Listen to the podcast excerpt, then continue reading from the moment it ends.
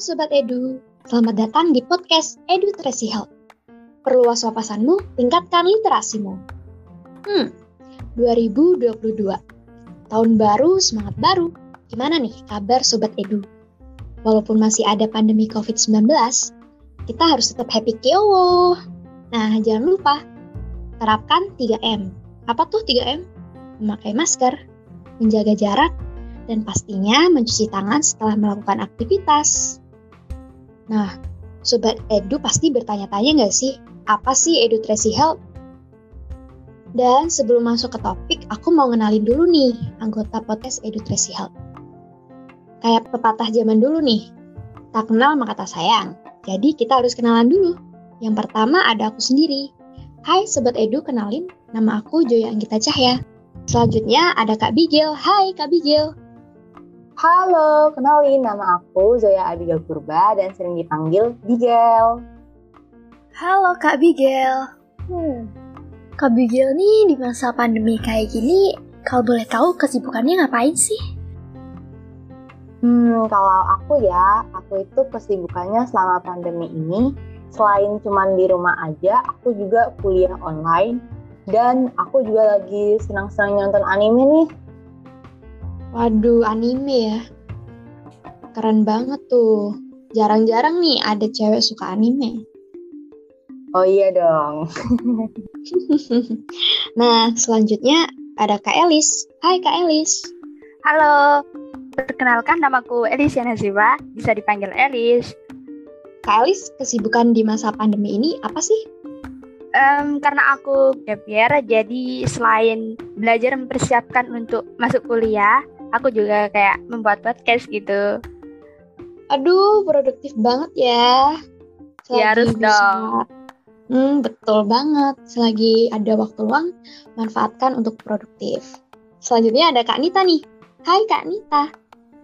Halo Sobat Edu, perkenalkan nama aku Carmenita Natali, aku biasa dipanggil Nita. Oke Kak Nita, kesibukannya Kak Nita apa sih di masa pandemi ini? Kalau di masa pandemi ini, aku kesibukannya tuh kuliah online ya. Terus lebih banyak ngabisin waktu di rumah aja sih.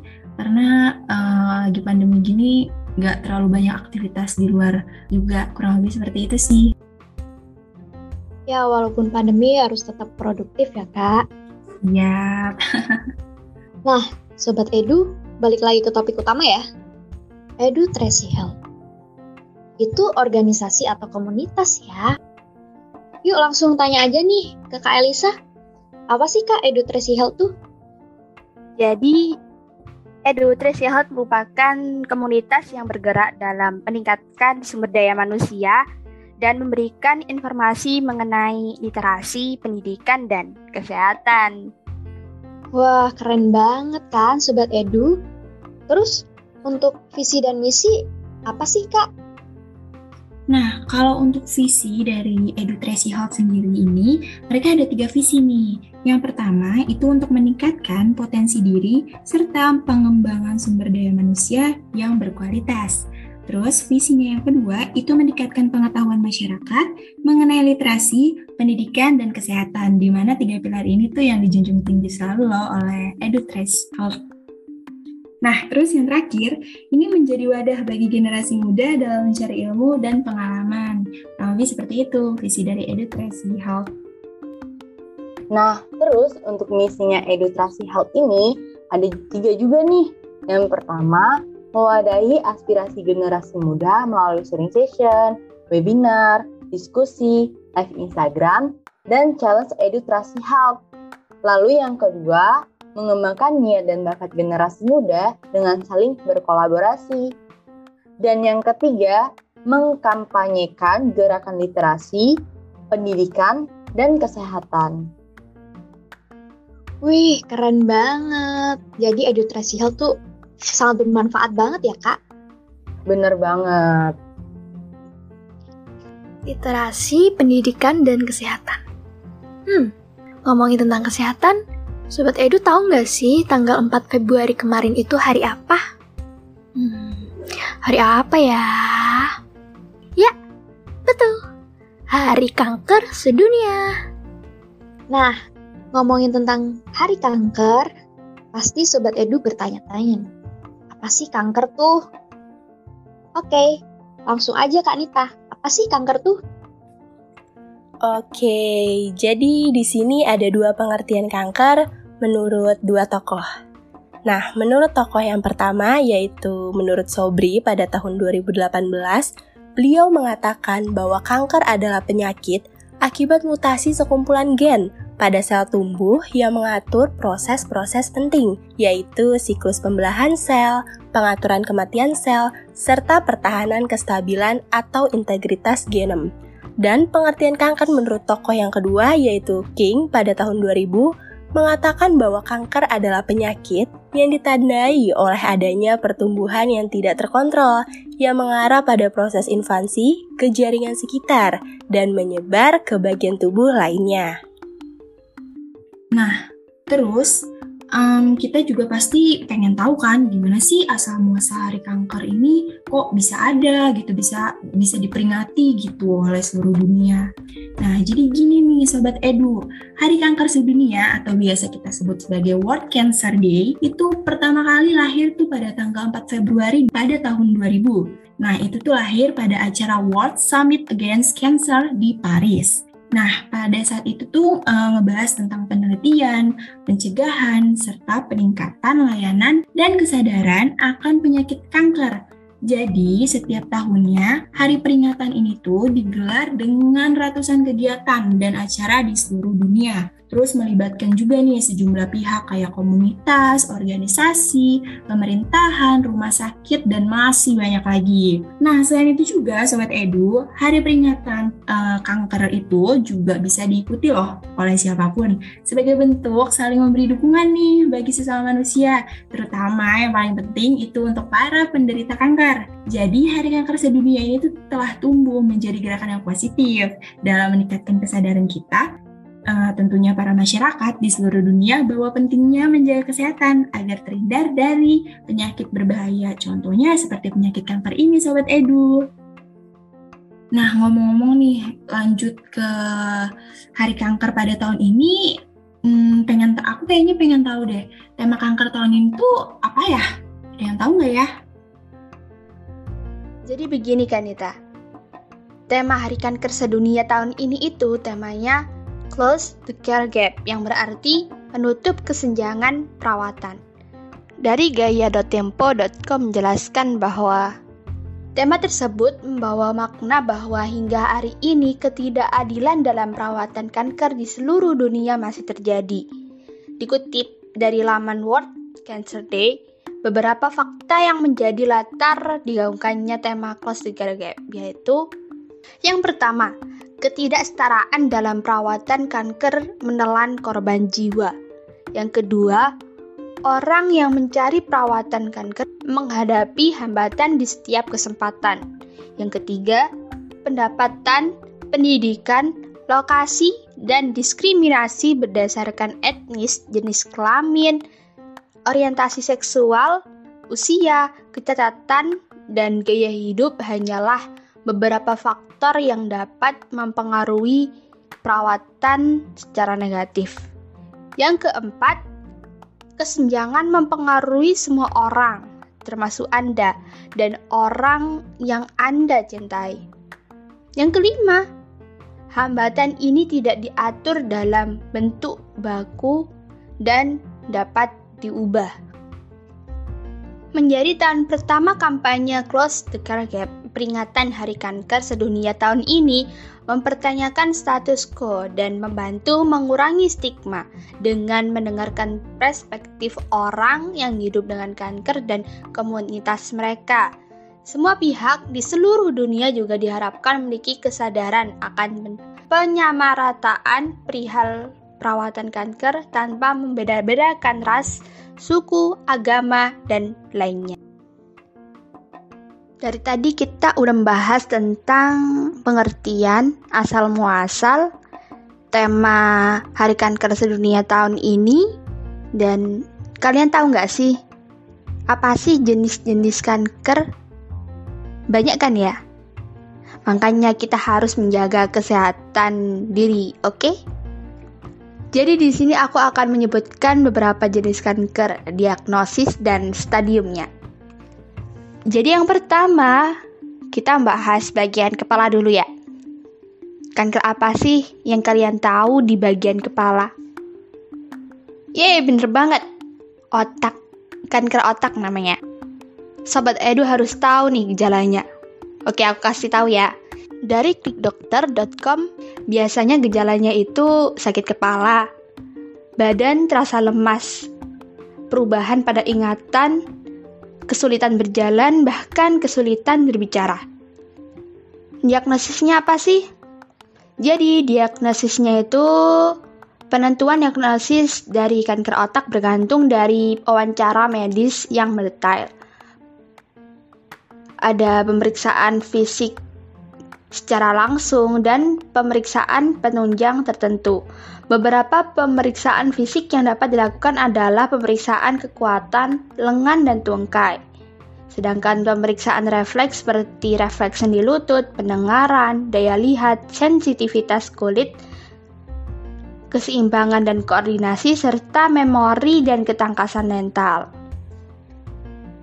Selanjutnya, yang mengalir di seluruh tubuh kita. Apa nih? Apa sobat edu? Oke, darah. Kanker darah. E, biasanya kita sebut dengan leukemia. Apa sih gejalanya?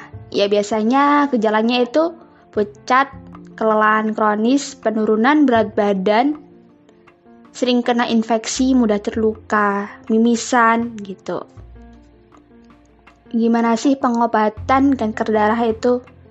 Ya biasanya beberapa penanganan leukemia yang umum diberikan oleh dokter mencakup kemoterapi, terapi radiasi yang menggunakan sinar X, terapi biologis yang membantu sistem daya tahan tubuh penderita leukemia untuk menyerang sel ganas,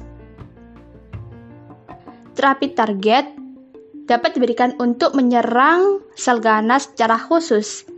Kemudian transplantasi sel punca. Sebelum dilakukan transplantasi sel punca, pasien akan menjalani kemoterapi atau radiasi terapi dosis tinggi untuk merusak sumsum -sum tulang yang sakit. Setelah itu, sel punca dapat diberikan untuk membangun sumsum -sum tulang yang sehat. Lanjut, ini um, organ yang dimiliki oleh wanita. Kalian pasti tahu. Kanker payudara. Biasanya terjadi karena ada benjolan, penebalan kulit, perubahan bentuk payudara, gatal-gatal, kemerahan, rasa sakit yang tidak berhubungan dengan menyusui atau menstruasi. Selanjutnya, yang berada di leher rahim. Kanker leher rahim atau yang juga disebut kanker serviks. Pengobatan kanker serviks berdasarkan stadium dibagi menjadi dua. Pertama, operasi pengangkatan sebagian atau seluruh organ rahim, radioterapi atau kombinasi keduanya. Yang kedua, pengangkatan kanker serviks stadium akhir yaitu dengan radioterapi atau kemoterapi. Kadang operasi juga perlu dilakukan. Dan yang terakhir, ini organ yang dimiliki oleh pria, yaitu kanker prostat. Gimana sih gejalanya? Ya biasanya um, kencing tidak lancar, rasa sakit yang terus-menerus pada pinggang belakang, penis, dan paha. Diagnosis kanker prostat ada pemeriksaan colok tubur, pemeriksaan PSA, yaitu pengambilan sampel darah untuk menemukan kadar PSA. Kemudian pemeriksaan USG prostat dengan memasukkan alat kecil berbentuk tabung ke anus dan pemeriksaan MRI. Jika kadar MRI masih tinggi, lanjut ke tindakan biopsi. Um, kalian tahu nggak sih, uh, kan secara umum kanker bisa dibagi menjadi stadium 1, 2, 3, dan 4. Bedanya apa sih? Ya, makin tinggi stadium kanker, gejala penyakitnya akan makin parah dan kemungkinannya untuk sembuh makin kecil. Bedanya apa sih?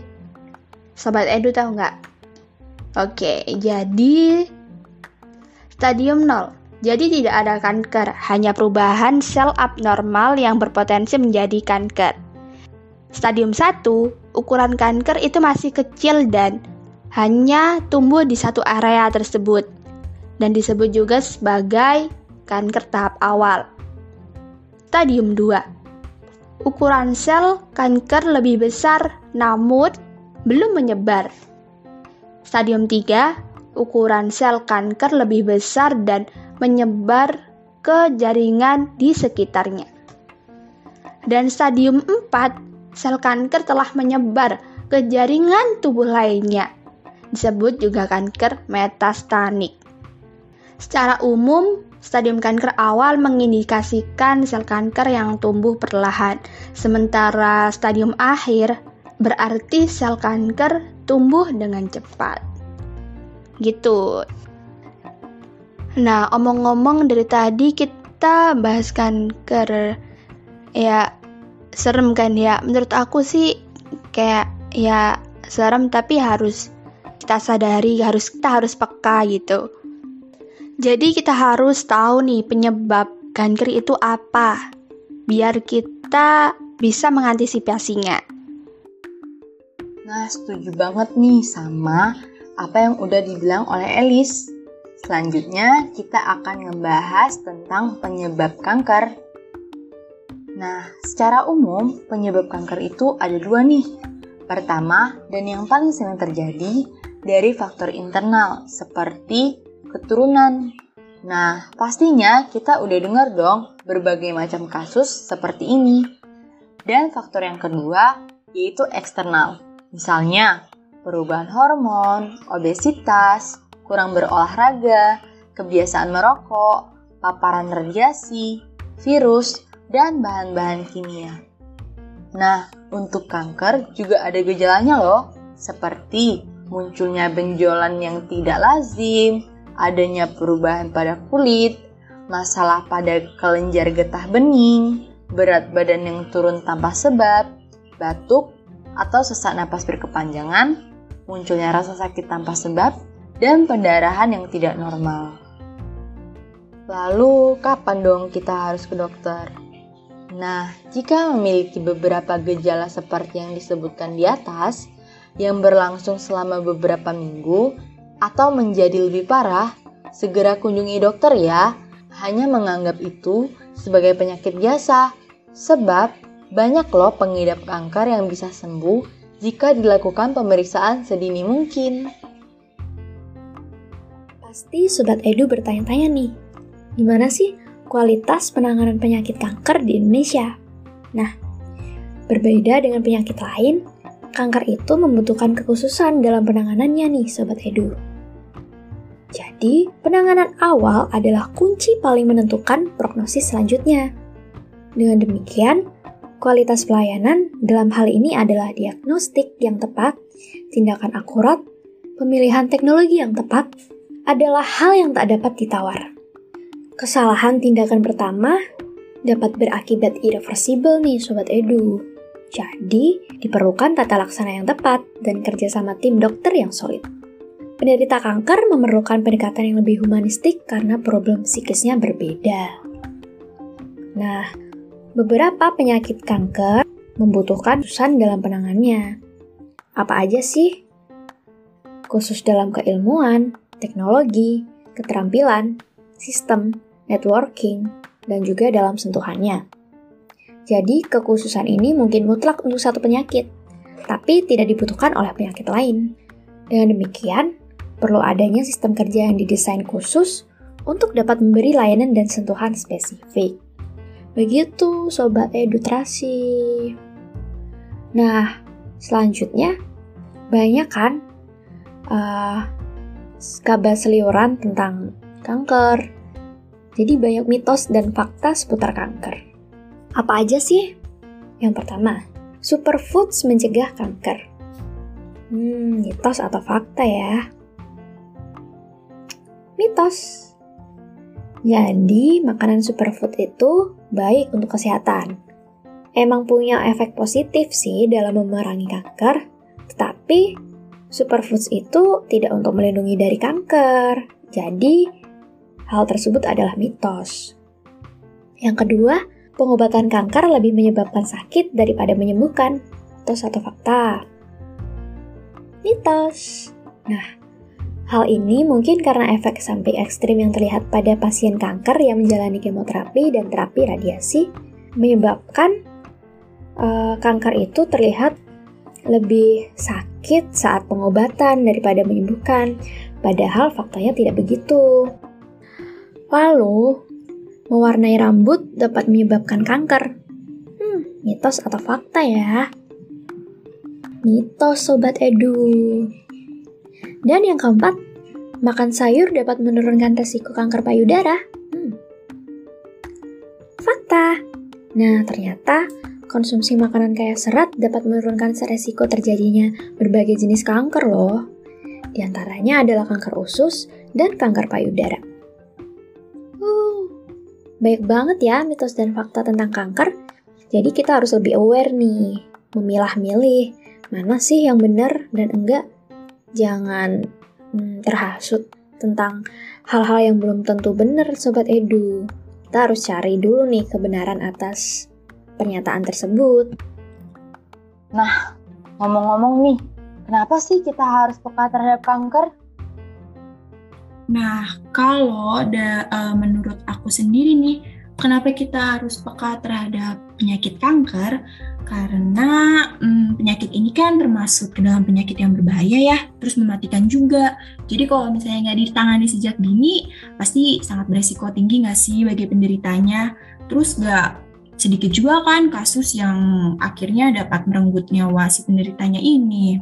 Nah, oleh karena itu nih harapannya kalau misalnya kita ini khususnya nih masyarakat Indonesia udah semakin peka dan teredukasi juga dengan pembahasan seputar kanker ini itu dapat uh, melakukan pencegahan awal guna terhindar dari penyakit kanker. Contohnya kayak melakukan deteksi dini terus uh, bisa juga tuh melakukan vaksinasi HPV atau human papilloma virus untuk mencegah kanker serviks misalnya pada perempuan. Nah kurang lebih seperti itu kalau kanker menurutku um, kanker merupakan penyakit yang mematikan ya, sehingga kita harus memperhatikan dan mengenal sejak dini tentang kanker. Apa sih jenis-jenis kanker? Gejala awalnya itu gimana dan upaya kita apa gitu. Upaya yang pertama yaitu harus rutin melakukan deteksi sejak dini. Jika ternyata terkena kanker harus ditangani sebaik mungkin dengan konsultasi ke dokter terlebih dahulu. Setuju banget, Kak. Menurut aku, kanker itu juga penyakit yang berbahaya nggak sih? Dan sulit untuk diobati apabila kita sudah berada di stadium akhir. Sehingga apabila kita merasakan gejala awal, sebisa mungkin nih, langsung konsultasi ke dokter untuk mendapatkan penanganan yang tepat. Dan kepekaan diri terhadap suatu penyakit itu menurut aku hal yang patut disyukuri karena kita dapat menolong diri sendiri dan masyarakat di sekitar kita. Kayak gitu, Kak. Nah, bener banget nih. Kalau menurut aku ya, dengan kita peka terhadap kanker membuat kita jadi lebih waspada dan bisa menyelamatkan diri sendiri, keluarga, dan juga orang di sekitar kita nih.